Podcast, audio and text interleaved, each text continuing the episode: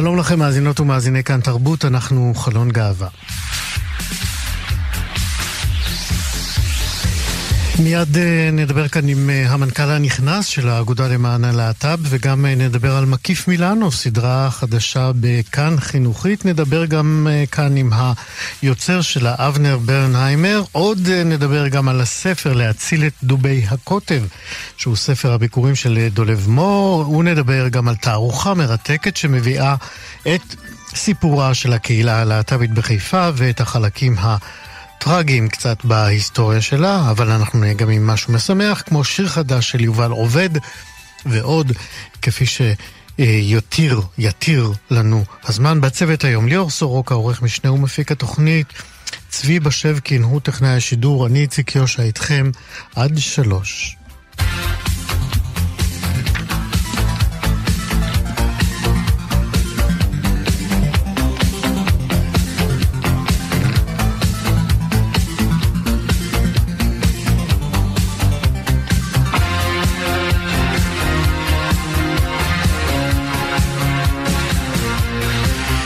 בהחלטה חדשנית בג"ץ קבע לפני כשעתיים כי בתעודת הלידה של תינוק שנולד להורה טרנסג'נדר שעבר את הליך ההיריון והלידה יירשם הורה אחד והורה נוסף ולא אב ואם.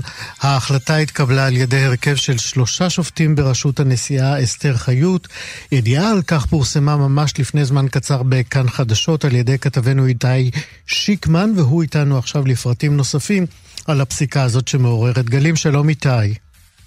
כן, שלום אה, איציק. מה משמעות ההחלטה הזאת אה, ומי היו העותרים? אז העותרים הם אה, בני הזוג יונתן ודניאל מרטון מרום. היו עוד כמה עותרים, גם גופים חיצוניים כמו אגודת הלהט"ב, מעברים וארגונים נוספים. אבל בעצם מה שאנחנו מדברים פה, איציק, זה על אדם שמזדהה כטרנסג'נדר, גבר טרנסג'נדר, אבל שעדיין אה, יכול אה, להביא לעולם באופן ביולוגי אה, ילדים, וזה המקרה של אחד מבני הזוג, מרטון מרום, אלא שבתעודת הלידה של הילדים שלהם נרשם תחת הקטגוריה שם האם, בעצם השם של מי שהביא את הילדים לעולם, אף על פי שאותו אדם כבר מזדהה כגבר, והוא אפילו רשום בתעודת הזהות שלו כגבר, כזכר, אלא שבתעודת הלידה של הילדים משרד הפנים הכריח אותם להירשם אה, כנקבה, כאם, אה, ובעצם ההחלטה הזאת של בג"ץ אה, היא די היסטורית, היא אומרת ש... כל טרנסג'נדר שצריך לעשות איזשהו תהליך של פנייה לווע, לוועדה הרלוונטית, אבל כל טרנסג'נדר שפונה ומבקש את זה אה, יכול להירשם, אה, להירשם בעצם כהורה והורה הילדים יהיו רשומים תחת הורה והורה. זו עתירה שהוגשה באמצעות עורכי הדין חגי קלעי ודניאלה יעקבי, אה, שמסרו אחרי ההחלטה ההיסטורית הזו, שמדובר בפסק דין שמסיים הליך ארוך וכמעט קפקאי, אה, והם אומרים שזכותם של האנשים לפנייה בלשון מגדרית התואמת את מצבם. איתי שיקמן כתבנו, תודה רבה על הדיווח הזה. תודה. חלון גאווה שופטת הכדורגל ספיר ברמן עשתה היסטוריה בשבוע שעבר, אה, בעצם אה, גם במהלך השבוע הזה. היא ניהלה את אה, משחק הכדורגל בין הפועל חיפה לבין בית"ר ירושלים במסגרת משחקי ליגת העל. בכך ברמן הייתה לשופטת, שופטת הכדורגל הטרנסית הראשונה בישראל והראשונה בעולם ששופטת בליגה מקצוענית. חלון גאווה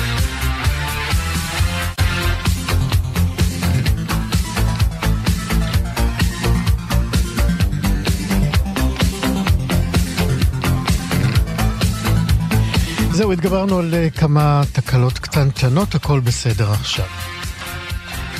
אנחנו עם הידיעה על השופטת הכדורגל ספיר אה, ברמן, אה, בכך שהייתה לשופטת הראשונה הטרנסית שמנהלת משחק בליגת העל.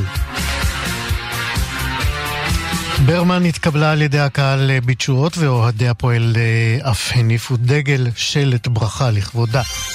קפטן בית"ר ירושלים עידן ורד גם הגדיל לעשות, ורגע לפני שריקת הפתיחה ניגש לשופטת וניהל איתה דיון מחוייך על צבע הלק שעל אצבעות ידיה. בסיום המשחק אמרה השופטת ברמן, כיף לחזור לשפוט בליגה הבכירה, והוסיפה, אם בשבוע שעבר אמרתי שאני מקווה שיהיה שינוי בחברה, אני רואה שזה קורה.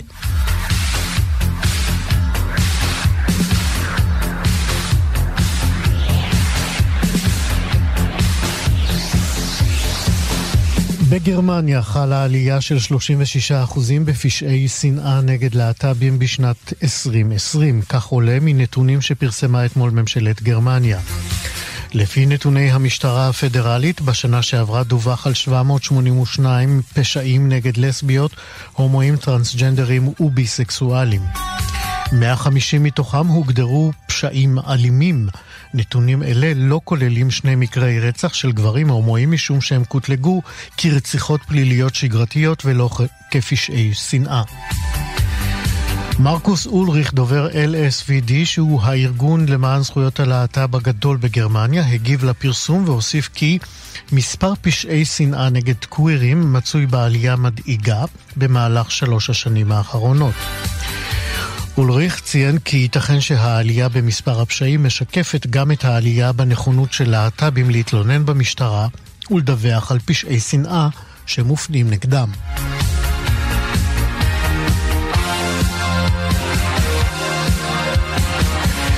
השחקן אליוט פייג' אמר השבוע כי הניתוח שעבר בפלג גופו העליון היה מציל חיים עבורו. ואפשר לו גם להרגיש לראשונה נוח בתוך הגוף שלו. פייג' היה מוכר בתור אלן פייג' ועבר בשנה האחרונה תהליך להתאמה מגדרית. השחקן ההוליוודי בן ה-34 אמר את הדברים לאופרה ווינפרי בריאיון טלוויזיוני ראשון מאז הכריז ברשתות החברתיות על השינוי בחייו. עוד אמר אליוט באותו ריאיון כי חש הכרח לפרסם את השינוי בחייו דווקא בזמן שהקהילה הטרנסית מתמודדת עם תופעות גוברות של התנכלות בארצות הברית. אליוט פייג' התייחס בכך אה, להתרחבות, התרחבות החקיקה שמונעת מצעירים טרנסים הליכים רפואיים במדינות אחדות בארצות הברית, ועד כאן חדשות.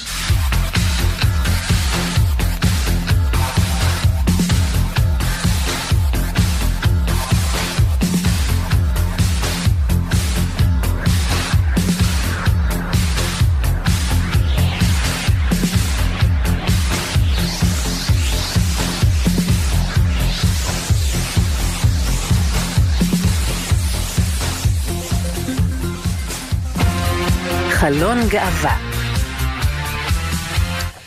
האגודה למען הלהט"ב בישראל הודיעה בשבוע שעבר על מינויו של רן שלהבי לתפקיד מנכ"ל הארגון. שלהבי יחליף את אוהד חזקי שיסיים את תפקידו בחודש, בחודש יוני הקרוב. וזה אחרי חמש וחצי שנים שבהן חזקי זכה לאמון ולהערכה מרובים. האגודה, נאמר לכם, היא במידה רבה ארגון הבית של שאר ארגוני הקהילה. היא הגוף הבולט אולי שמשמש אה, גורם משמעותי בחזית המאבק לשוויון של הקהילה, קהילת הלהט"ב בישראל. רן שלהבי, בן 33, הוא התחיל את דרכו כ...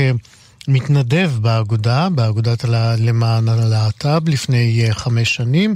אה, הוא הקים וניהל שם אה, באגודה את מחלקת הדיגיטל, ובשנתיים האחרונות מכהן כסמנכ"ל באגודה וגם הוביל את מערך שירותי הפרט בארגון. כחלק מתפקידו באגודה, רן שלהבי היה גם שותף בולט בקידום מהלכים ומאבקים למען שוויון ורווחת חברי וחברות הקהילה. כך אנחנו קוראים בפרסומים של האגודה על אה, רן ופועלו, ועכשיו אנחנו מקדמים בשלום ובשמחה את אה, רן של הבי. שלום רן. היי, שלום רב. ברכות. ההצלחה שלך רבה. זה ההצלחה של כולנו, אתה יודע. כן, כן, כן. אה, יש הרבה עבודה ו...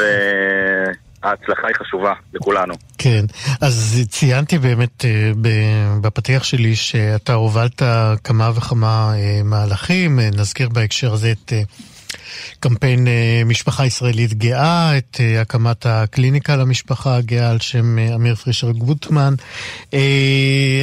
תן לי אחד מכל השלל האירועים שהובלת והיית שותף בולט בהם, אחד שהוא ככה קרוב ללבך. אמ, וואו, אה, אני חושב שהכל היה קרוב לליבי. אה, אני לא חושב שיש... אה, קשה לי מאוד לבחור משהו שאחד. אני יכול להגיד לך שבשנה האחרונה הובלנו מערך ביחד עם משרד עורכי הדין, חגי, קלעי רוזן, מערך משפטי לקהילה הטרנסית, שאני חושב שזה היה צורך משמעותי לקהילה הטרנסית שסובלת מאפליה, ואני חושב שזה משהו ש... שהיה לי מאוד חשוב לעשות, ואני שמח שהוא יצא לפועל. אה, אז אם אני יכול לבחור אחד, אז הייתי בוחר את זה. יפה. אז בוא, בוא נלך עכשיו אל אה, העתיד, אה, שהרי לשם מועדות פניך, ושם אמרת יש המון עבודה. מה, במה אתה רואה בסדר העדיפויות שלך כהמהלך הראשון, החשוב ביותר להיכנס לעובי קורתו? אז מבחינתי יש uh, שני חלקים באמת לצעדים הראשונים. הצעד הראשון uh, הוא בעיקר מתעסק בקידום אוכלוסיות מוחלשות uh, בתוך הקהילה, אני מדבר על אוכלוסייה ערבית, אוכלוסייה חרדית, על הקשת, הקשת הטרנסית, לייצר יותר מענים ובאמת לתת מענה uh, לקשיים ולאתגרים. זה דבר אחד מרכזי שאני רוצה לקדם כבר כצעדים ראשונים. הצעד השני uh, מתייחס אה, בעצם למצב התקיעות הפוליטית שלנו. אה, למעשה בשנים האחרונות לא אה, היה התקדמות פוליטית, כל התחום של חוקים עבור הקהילה הגאה הוא לא במקום שאנחנו רוצים להיות בו. וזה מצב שאנחנו צריכים להמשיך לעבוד, לצאת יותר לשטח, לתת יותר דגש לתקיעות הפוליטית ולהילחם על הזכויות שלנו. אתה מדבר על חקיקה, אני, אה, אם אני זוכר, פעם הייתה זרוע פוליטית אה, שכנראה איבדה ממשמעותה. אולי דווקא עכשיו, כאשר אה, החקיקה היא עקב אכילס, אפשר לומר, של ההתקדמות במאבק לשוויון, אולי זה הזמן להקים מחדש זרוע כזאת בתוך האגודה? אז באופן, את האמת ספציפי, אני... אוכל לעדכן שבמהלך השלוש שנים האחרונות יש לוביסט של הקהילה הגאה. אה, הוא שייך בעצם לכל, הארג... לכל ארגוני הקהילה הגאה. כלומר, מישהו אה, שמקדם חקיקה אה, בכנסת, אה, מנהל קשרי ממשל. והוא יחיד אבל. נכון, המטרה היא להרחיב אה, ולייצר עוד, אה, עוד כוח. המטרה היא ש...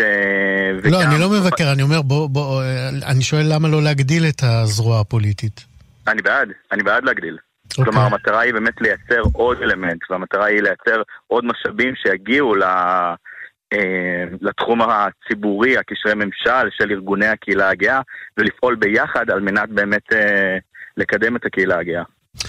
כמה באמת יש אה, לאגודה אה, כוח? אני מבין שיש רצון ו- וזה מבורך. הזכרת עכשיו את הפנייה לחיזוק להט"בים בחברות אה, שמרניות, ב- ב- ב- במקומות שהמגזרים בתוך הקהילה הם מוחלשים ונרדפים. כמה באמת...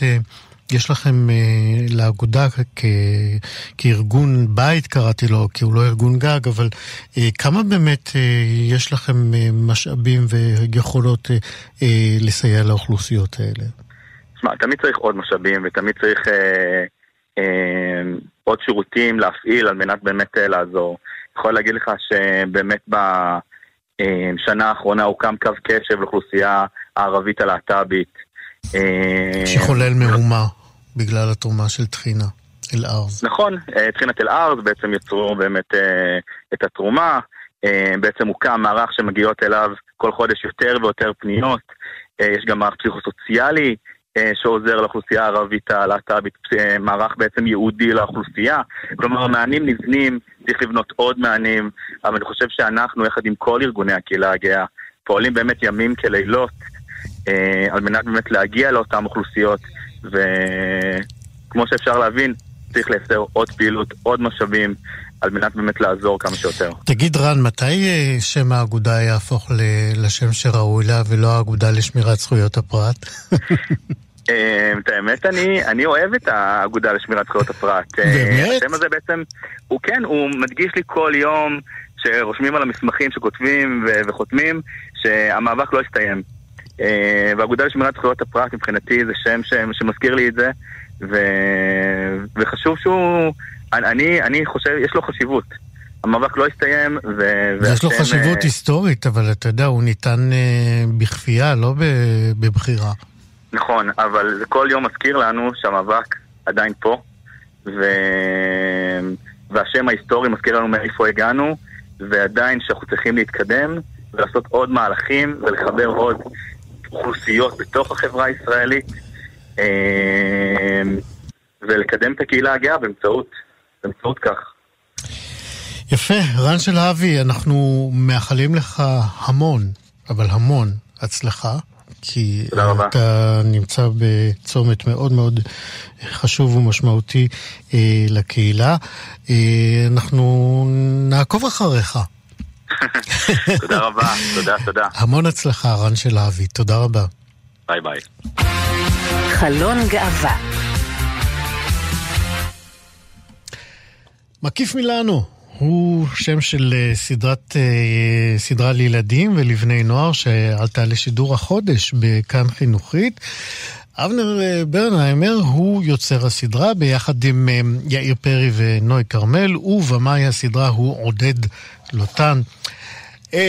מה אומר, זה יהיה קשה להגזים אם נאמר כאן שאבנר ברנהיימר הוא אחד מעמודי התווך במהפכה שעבר הייצוג הלהט"בי בטלוויזיה וגם בקולנוע הישראלי.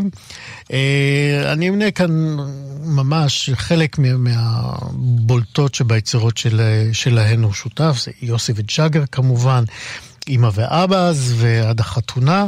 אה, עוד נגיד שאבנר ברנהיימר הוא גם אחד התסריטאים העסוקים בישראל, וסדרה נוספת שלו משודרת בכאן חינוכית, הסדרה שקשוקה, שהוא כתב על פי ספריה של גליה עוז. שהסעירה את אה, הציבוריות אה, שלנו בזמן האחרון, בהקשר אחר לגמרי. אה, גם בסדרה הזאת יש מקום לייצוג להט"בי, ולאחת הילדות בסדרה יש שני אבות, כפי שאבנר ברנהיימר כתב את התפקידים שלהם. עונג ושמחה גדולה לי לומר עכשיו שלום לאבנר ברנהיימר. שלום, שלום, איזה כיף לשמוע. ככה, שמעת פתאום, אה, מה עשית? כן, בדיוק. אה, אה, הייתה את התוכנית הזאת פעם, לא... חיים שכאלה, כן, חיים כן, שכאלה, כן, בדיוק. כן, של עמוס אטינגר, כן. אז כן, אנחנו בגיל שיכול לזכור. בדיוק. תשמע, מכיוון שאני כה שטחית, אני רוצה להתחיל איתך בשאלה שהכי מעניינת אותי. איפה לעזאזל מצאת את עומר, הלא הוא יונתן וקס? או יונתן המהמם. אה, עשינו... השארתי לך את כל נכון? הסופרלטיבים. אה, איפה מצאנו אותו? מצאנו אותו אה, אחרי הרבה אודישנים, שאגב, נעשו כולם בתקופת, כל האודישנים נעשו בתקופת הקורונה בזום, אז קיבלנו מלא סרטים שהחבר'ה האלה צילמו בעצמם, ומזה היינו צריכים לעשות איזשהו סינון ראשוני, אבל... Uh, אה, יונתן, אה, גם יכולתי, האמת, אה, לראות אותו בחמישים, הסדרה, הסדרה שהייתה ב-yes. הוא שיחק שם את, את הבן המתבגר של הדמות הראשית, אז, אז יכולתי גם לצפות פה שם, והאמת שהוא מאוד הפתיע אותי, כי הוא שם עושה דמות שונה לגמרי, ואפילו דאגתי שהוא לא יוכל לעשות את הדמות של עומר, כי הוא כך שכנע אותי בדמות של הנער המתבגר הככה מרדן, אה, שהוא שיחק בסדרה 50, שאמרתי, אני, אני לא יודע אם הוא יצליח לעשות את זה בכלל, האם יש לו כזה מנעד, אתה יודע, mm-hmm. ואז הוא פשוט עשה את זה מדהים, והאמת שהתאהבתי בו מיד. אז בואו נכניס אותו ככה לקונטקסט של הסדרה הזאת, למי שלא ראה אה, אף לא פרק ממנה. אה, ותכניס אותנו באמת למתח הזה שבין, אה, יש לנו שני בתי ספר שם, תיכון אגם לאומנויות ומקיף מילאנו. מה מאפיין כל אחד מהם? ושם, בתווך הזה, מתנהלים בעצם אה, האירועים. כן, תראה, אה, זה ה setup של הסדרה, זאת אומרת, זה מה שנקרא, האירוע המחולל שלה זה שאחד התלמידים ממגמת אופנה בבית ספר לאומנויות, אגם, שורף את שורף את המגמה בגלל איזה עיצוב אה, מופרע. של חומרים דליקים. חסר אחריות של כן. חומרים דליקים. עם חשמל. שלו, עם חשמל ועם דבקים. וה, והמגמה עולה באש, והם צריכים לעזוב את בית הספר המפונפן לאומנויות ולמצוא לעצמם בית אחר לשנה הזו. והמקום היחיד שהם מוצאים זה, זה איזושהי כיתה אה, שגם די עלובה בהתחלה, שבבית ספר אה, בתיכון אה, למקצועי. שלומדים שבו- במכונאות רכב. מכונאות רכב, משאבי אנוש, כן. אה, גם כמובן תכנות, שנקרא מקיף מילאנו על שם אה, תורמים איטלקים שתורמים אה, מתעשיית הרכב אה, לבית הספר. ובעצם ראש מגמת האופנה, שזה אקי אבני בתפקיד המאמן, מצוין. שהיה לו אה, רפאל, מי יש לה את זה, יש סדרה שגם אני כתבתי עם מיכל מונצ'ס בקשת, אה, אז בעצם עשיתי, עשיתי לו ספין-אוף, ואמרתי, מה, מה יהיה כשהוא יפסיק להיות סטיילי, או כשהוא ככה אה, לא יהיה רק סטייליסט, אה, אז אוקיי, יהיה ראש מגמת אופנה. ו... ועשינו שהדמות של מנהלת בית הספר במקיף מילאנו, אה, מנואל, ש... אה, הייתה חברתו הטובה בלימודים בסמינר הקיבוצים, שהם למדו ביחד חינוך, זה פרט שהוא כמובן מאוד רצה ככה, זה בתל פ- פפורה, כאילו הוא רצה מאוד אה, להסתיר, הוא היה נבוך מאוד מזה שהוא פעם למד חינוך. בקיצור, היא מארגנת לו מקום בבית ספר, והמפגש הזה בין החבר'ה של מגמת אופנה, שהם קצת יותר ככה מרגישים את עצמם מעודכנים ומפונפנים וקצת סנובים יותר, לעומת החבר'ה של הבית ספר המקצועי, זה מפגש טעון כמובן, אבל אתה יודע, הם גם מוצאים את הדברים המשותפים, וכמובן מתפתחות אהבות וכולי. וזה, וזה, וגם כמובן תחרות מאוד גדולה. כן. זה הבסיס ל- לסדרה. בוא, בוא נתעכב, מכיוון שגם זמננו קצר וגם התוכנית היא חלון גאווה, על אה, סיפור האהבה שאתה רקמת שם אה, בין שני בנים בתוך הסדרה. ואגב, הספקת כבר לחטוף על זה שאין שם נשיקה. אה, כן, לא חטפתי, אני הלקיתי את עצמי על זה. אה, זה גם קודם. טוב, זה גם אה, טוב. כן, זה טעות, זה פשוט... תקשיב, בסוף, אתה כל כך רוצה, ובסוף אה, בסוף זה לא יוצא. כאילו, מה ששם... קודם כל יש את הסיפור של עומר שהתחלת איתו, שבעיניי זה הסיפור הלהט"בי בהפוכה יותר מעניין. נכון, יש שם טריק. ד- יש ספר שם אותו. טריק כן. שבעצם אמרתי, איך, אם אני צריך להגיד במרכאות ההברקה שלי, כאילו, אז, אז, אה, ולעוף על עצמי לרגע, אז, אז, אז אני חושב שזה שם. כי אני אמרתי, קודם אנחנו מדברים על הארון, אתה יודע, בתור להט"בים, אנחנו הארון והארון, והיה קשה והיה קשה, אבל תכלס, סטרייטים לא מבינים את זה. ואז אמרתי, בוא נעשה את ההיפוך הזה. בוא ניקח סטרייט שצריך. להיכנס לארון כדי להיכנס למגמת אופנה. ההורים שלו כך נאורים, שהם אומרים לו, בהתחלה הם, הם, יש להם מוסך, הם רוצים שהוא ימשיך במוסך, אז הם שלחו אותו למכונאות רכב. אבל... אה, וכשהוא רוצה להיכנס למגמת אופנה, אומרים לו לא, אבל אז הם חושדים שהוא הומו, אז הם מרשים לו. אז, ואז הוא צריך להיכנס לארון בתור סטרייט. והוא מתחיל לשקר לכל מי שהוא מדבר איתו. וכל החברים שלו מרגישים שיש לו סוד מהם, והוא לא יכול לקבל את נורי אהבת חייו. וכל החיים שלו נדפקים בגלל שהוא בארון. ואני חושב שזה באמת דרך... בארון הסטרייטי, צריך להדגיש שלנו, שוב. בארון הסטרייטי, כן, בדיוק. וזה הדרך שלנו, ל- ל- פתאום, פתאום האנשים, אה, וואלה, זה באמת מבאס להיות בארון. הוא לא יכול להיות עם חברה שלו, הוא משקר לכל החברים שלו, אה, הוא מתבלבל בעצמו, כאילו, מי הוא ומה הוא. אז זה קודם כל עלילה להט"בית אחת, שהיא המרכזית בעונה הזאת. עכשיו, חוץ מזה, יש את גור באמת, את גור ויונתן, שגור הוא, הוא גם, הוא כביכול מחוץ לארון מול החבר'ה שלו, אבל אנחנו מגלים שבבית המצב לא כזה פשוט. והוא פוגש את יונתן, ורצינו מאוד שתהיה נשיקה בפרק, ווטאבר פרק 18, זה לא יגיד לך כלום. ולא, ו- אני יודע לא שיש הסתדר. 29, אבל... מה? אבל אני יודע לא שיש הסתדר. 29. לא, יש 30 פרקים. אה, אוקיי. יש 30, ואז בפרק 18 הם היו אמורים להתנשק, וזה, וזה לא הסתדר.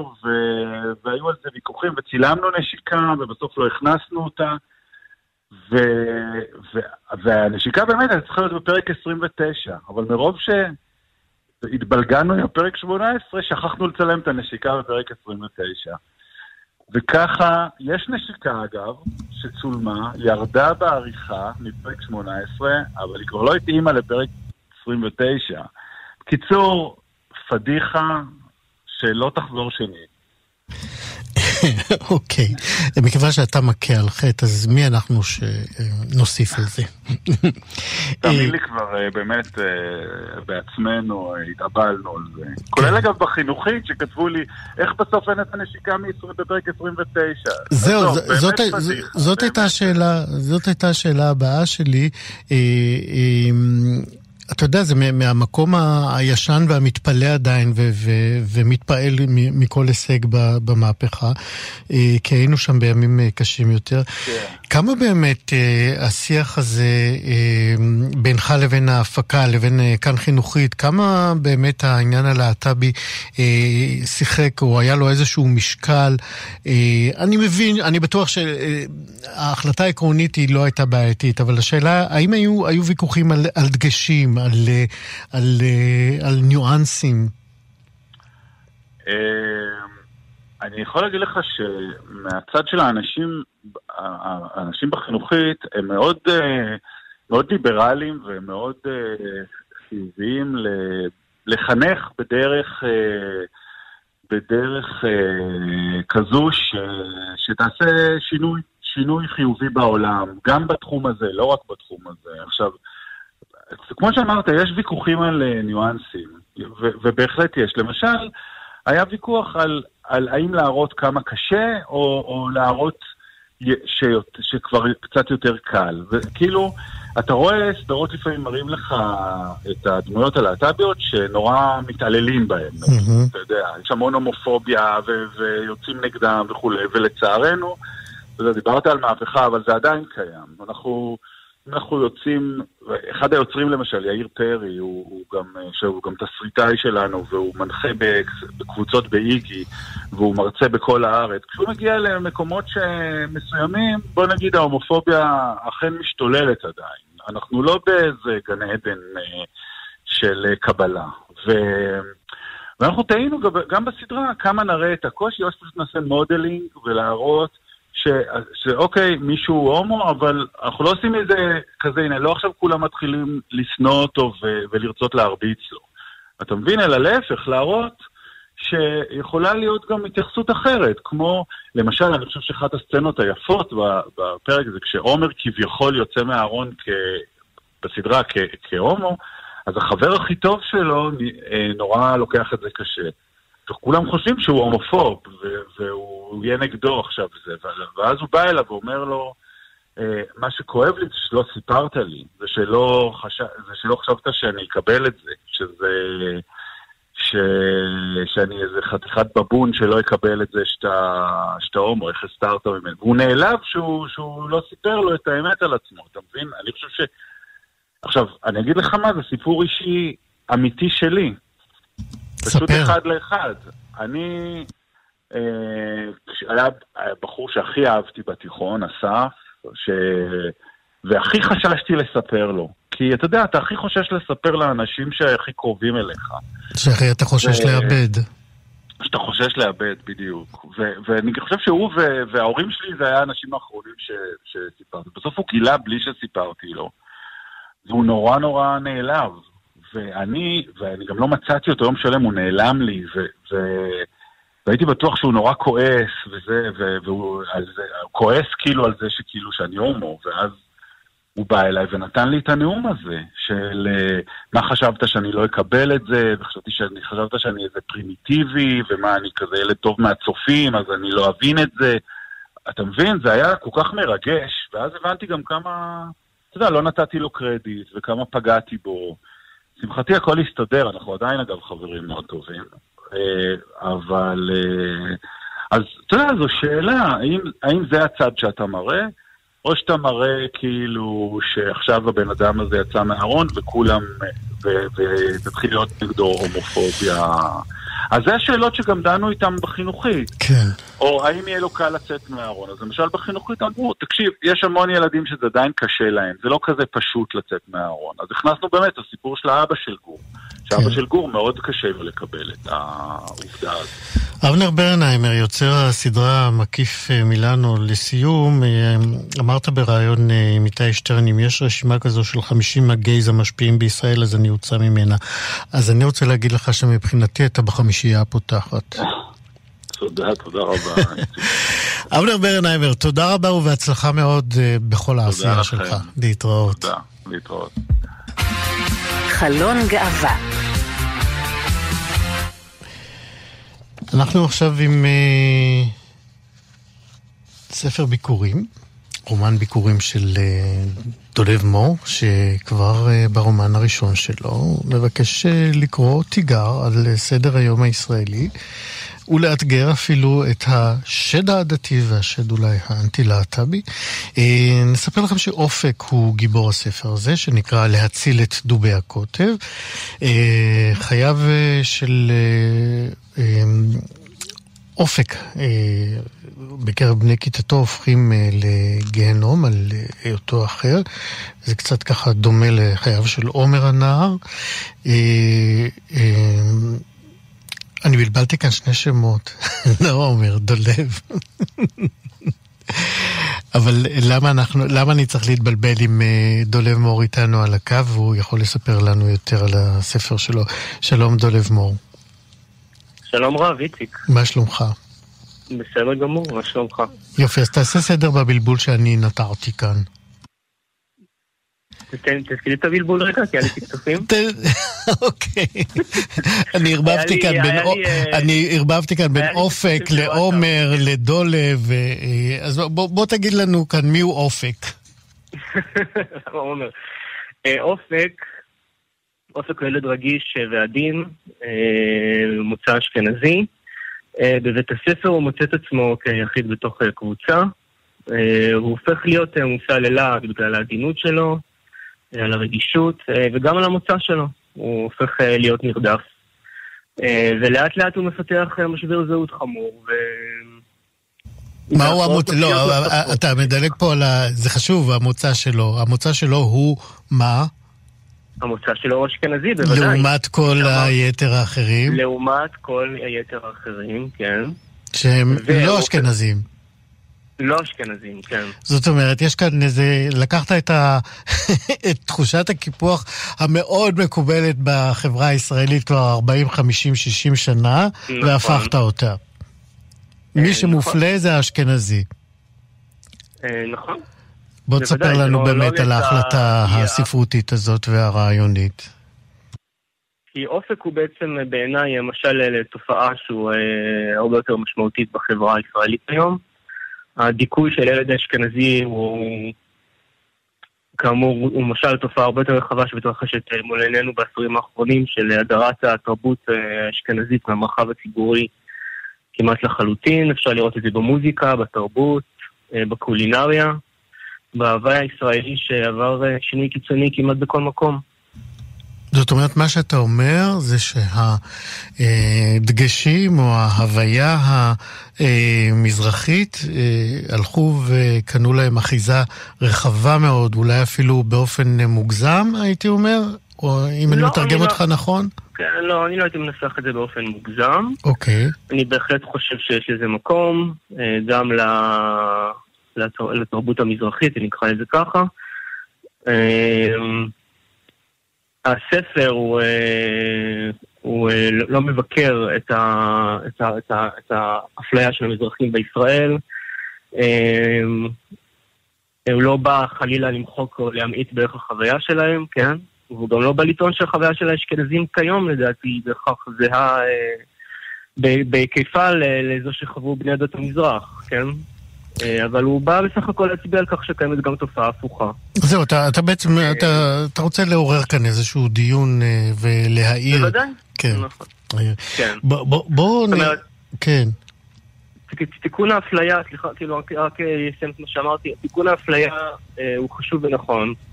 וצריך לתת את התרבות המזרחית את המקום הראוי לה, אבל בעיניי לא צריך להיות במחיר של מחיקת התרבות האשכנזית. כן. זה מה שקורה כיום בעיניי.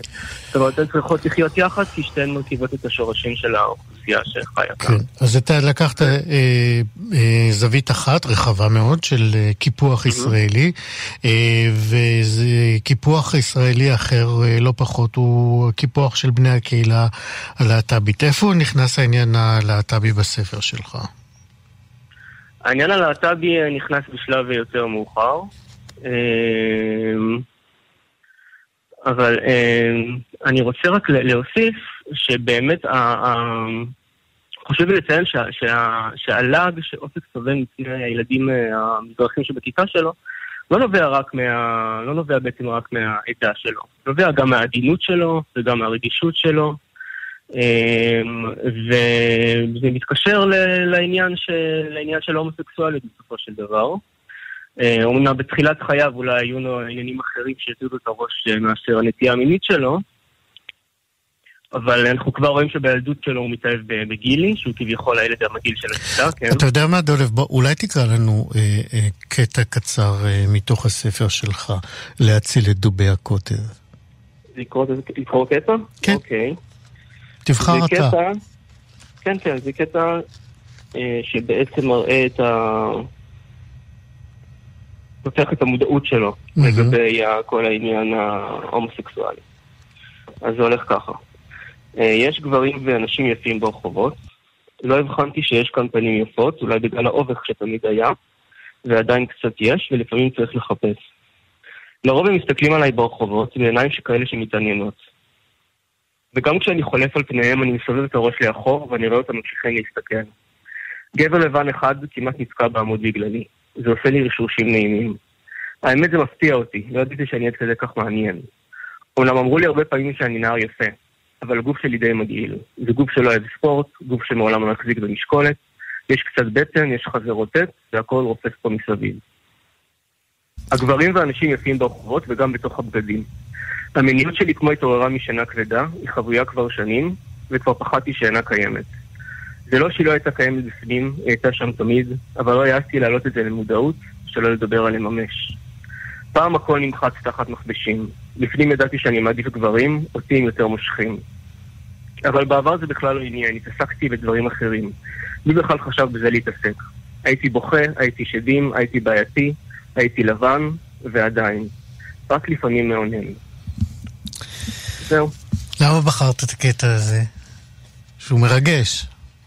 אה, כן, זה הקטע שבעצם אה, הוא אה, מודע למיניות שלו. כמו שאמרתי מלכתחילה, בתחילת חייו הוא לא עניינים אחרים שהטרידו את הראש שלו יותר מאשר הנטייה המינית שלו. הוא הרגיש שונה קודם כל, בראש ובראשונה בגלל צבע עורו, הרגישות שלו בגלל הפחדים שלו. אה, ורק אחר כך, כמה שנים אחרי, רק אחרי שהוא מעכל את מה שעבר עליו, הוא באמת מתחיל לגלות את המיניות שלו, אה, שגם מקפל בתוכה משיכה לדברים מבוגרים בעיקר. אז, אה, אז זה קורה לו בשלב יחסית מאוחר. זאת אומרת, הספר מחולק לציר עבר ולציר הווה, ובציר ההווה, תוך כדי שהוא כותב את הזיכרונות שלו ומאבד אותם, הוא מתחיל לחוות חוויות ראשוניות של של הומוסקסואליות. כן, אנחנו לא, לא, לא נעשה ספוילרים, אבל uh, אני, אני רוצה עוד לשאול אותך על, ה. על הנטל הזה, על המעמסה הזאת שהעמסת על הגיבור שלך. שני, שני סוגי קיפוח מאוד מאוד uh, דרמטיים uh, בהוויה הישראלית.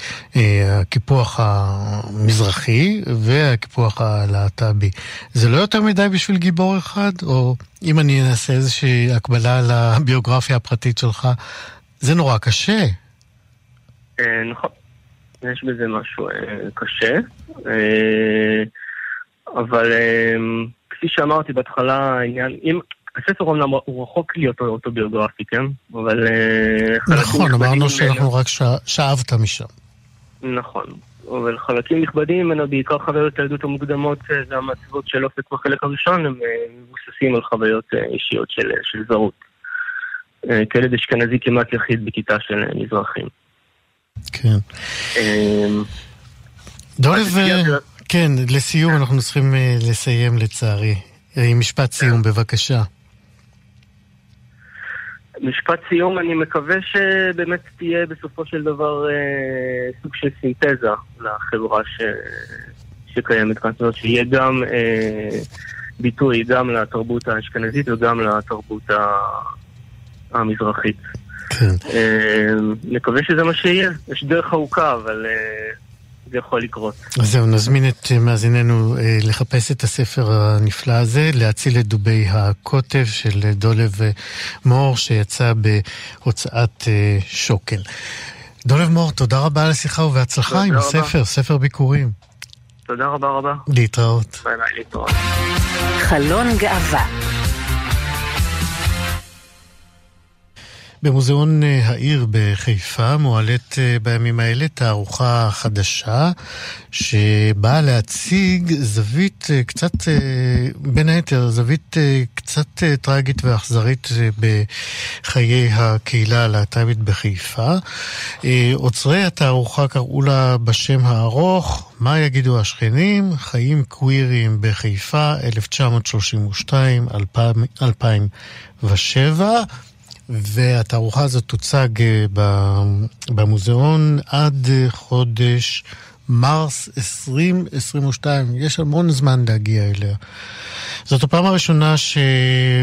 שבה המוזיאון בישראל בעצם מקדיש תצוגה כל כך מקיפה לתפיסת אה, היסטוריה של ההוויה הלהט"בית בישראל. ונספר לכם שבמסגרת התערוכה הזאת והמוצגים בה, אה, נחשף אה, בעצם סיפורה של הקהילה הלהט"בית בחיפה לאורך המאה הקודמת אה, ועד תחילת המאה הזאת. יוזמי התערוכה והעוצרים שלה הם חברי וחברות פרויקט ההיסטוריה הגאה החיפאית. דותן אה, ברום, אה, יואב זריצקי, עדי סדק ביחד עם אה, עוצרת מוזיאון העיר ענבר דרור לקס. בעצם העבודה שלהם, בעצם העלאת התערוכה הזאת, הם בעצם מבקשים להציג, אני חושב, את הקהילה הלהט"בית בחיפה כחלק בלתי נפרד ממארג החיים של העיר הזאת ושל ההיסטוריה שלה. נעמה ריבה, כתבת האומנות והאדריכלות במוסף גלריה של הארץ, ראתה את התערוכה וכתבה על אה, סדרת אה, אה, רציחות של הומואים בחיפה, גם ש, כפי שהם מובאים בתערוכה הזאת, סדרת רציחות שהייתה בשנות ה-70. שלום נעמה ריבה. אהלן. אני גם, אגב, גדלתי בקריות בחיפה, ו... וגדלתי בעצם בניינטיז. רוב הרציחות אה, שהם מתייחסים אליהן בתערוכה היו בשנות ה-90. אה, למרות שהיו כמה משמעותיות זה כבר בסוף ה-70, כן. כן, הם מזכירים גם כבר קצת קודם, אבל הם מתחילים יותר אה, אה, בשנות ה-90. צריך לציין שהיו רציחות לא רק בחיפה, אלא היו גם בירושלים ובתל אביב. בוודאי, אה, אבל איכשהו הרציחות בחיפה קיבלו הד אה, וביטוי תקשורתי אה, דרמטי יותר בתקשורת. זה עולה בתערוכה, בקטעי העיתונות שמופיעים שם? אם אני מפענחת את זה... לפני זה נראה לי שנייה, בוא נעשה רגע כאילו איזה סדר על לוחות הזמנים ההיסטוריים. וכאילו משהו שאני מאבחנת אותו, אני אומנם לא חוקרת באופן רשמי של, ה, של הקהילה, אבל אני כן אה, אה, מתעניינת בנושא כבר הרבה מאוד שנים, ו, ואני גם חיפאית, וקראתי עיתונות מגיל מאוד מאוד צעיר. אה, ו, ובעולם היה איזושהי עלייה במעמד הקהילה, תקן אותי אם אני טועה, בשנות ה-70. אמ, בישראל זה עדיין קצת אה, פחות, למרות שיש כל מיני סימנים. ויש לנו בעצם אה, דעיכה מסוימת במעמד הקהילה. כשאת אומרת העולם זה באמת נכון, בעיקר בארצות הברית, אה, נכון, שנות ה-70, כן. נכון, אבל יש לנו בעצם דעיכה, והיא קשורה לסיפור הזה של הרציחות, בגלל זה אני מזכירה את זה, סביב הסיפור של מגיפת ה-A. אמ, צריך לציין בהקשר הישראלי את הנקודה גם של 1988, שאז בעצם מבוטל אה, חוק אה, איסור אה, משכב זכר. זכר, כן. אבל בגלל, בין, בין, היתר, מגיפה, בין היתר בגלל מגיפת האיידס, היחס, היחס להומואים בארץ וגם בעולם הוא מאוד מאוד אה, אה, סטריאוטיפי, אה, ו- ויש מין איזושהי רגרסיה מסוימת, אה, ורואים את זה, והרציחות היא עוד רגרסיה. אה, כי כשמסתכל, כשמסתכלים על, ה, על איך ה... אני לא חושבת שה, אה, אה, שהעיתונות בהכרח...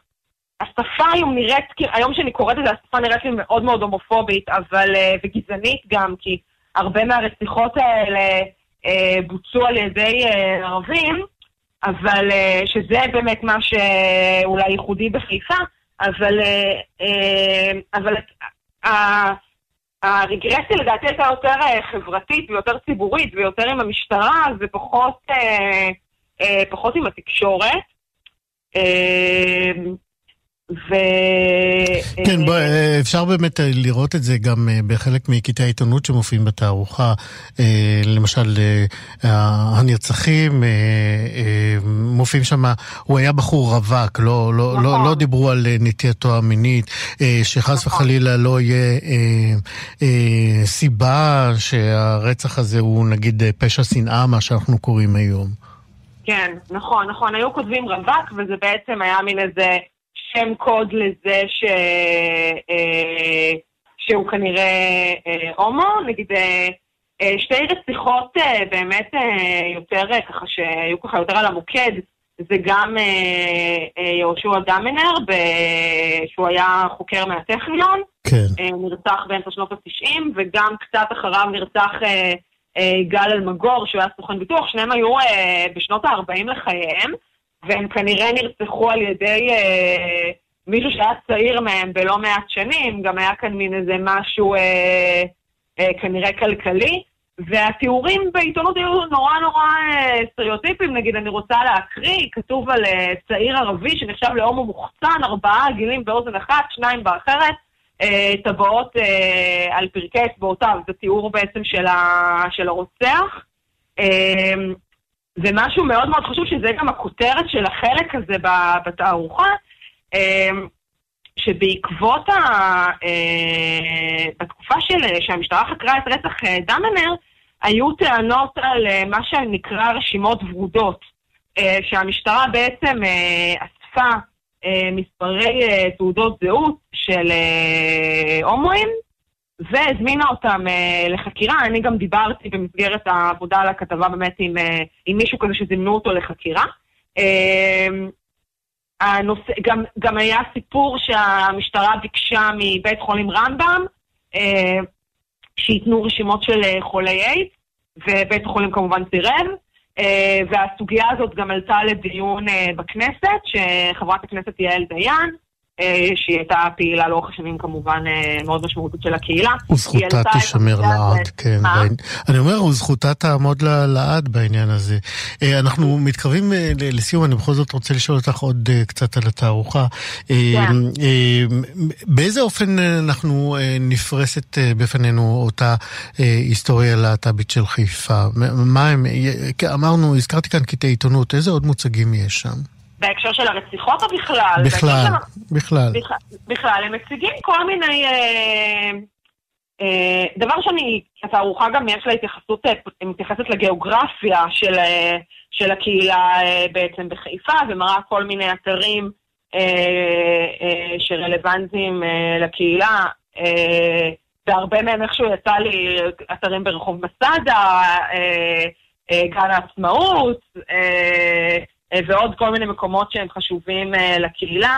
היא מדברת, אה, היא מביאה פן מאוד מאוד מעניין של, הקה, של הקהילה הפלסטינית, הערבית בחיפה, שהיום לדעתי היא, היא מאוד מאוד מאוד משמעותית בחיפה, יותר מבתל אביב אפילו, כאילו ממש מרגישים את זה בעיר.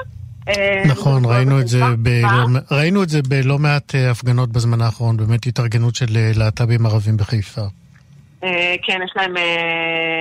זה מאוד מאוד משמעותי.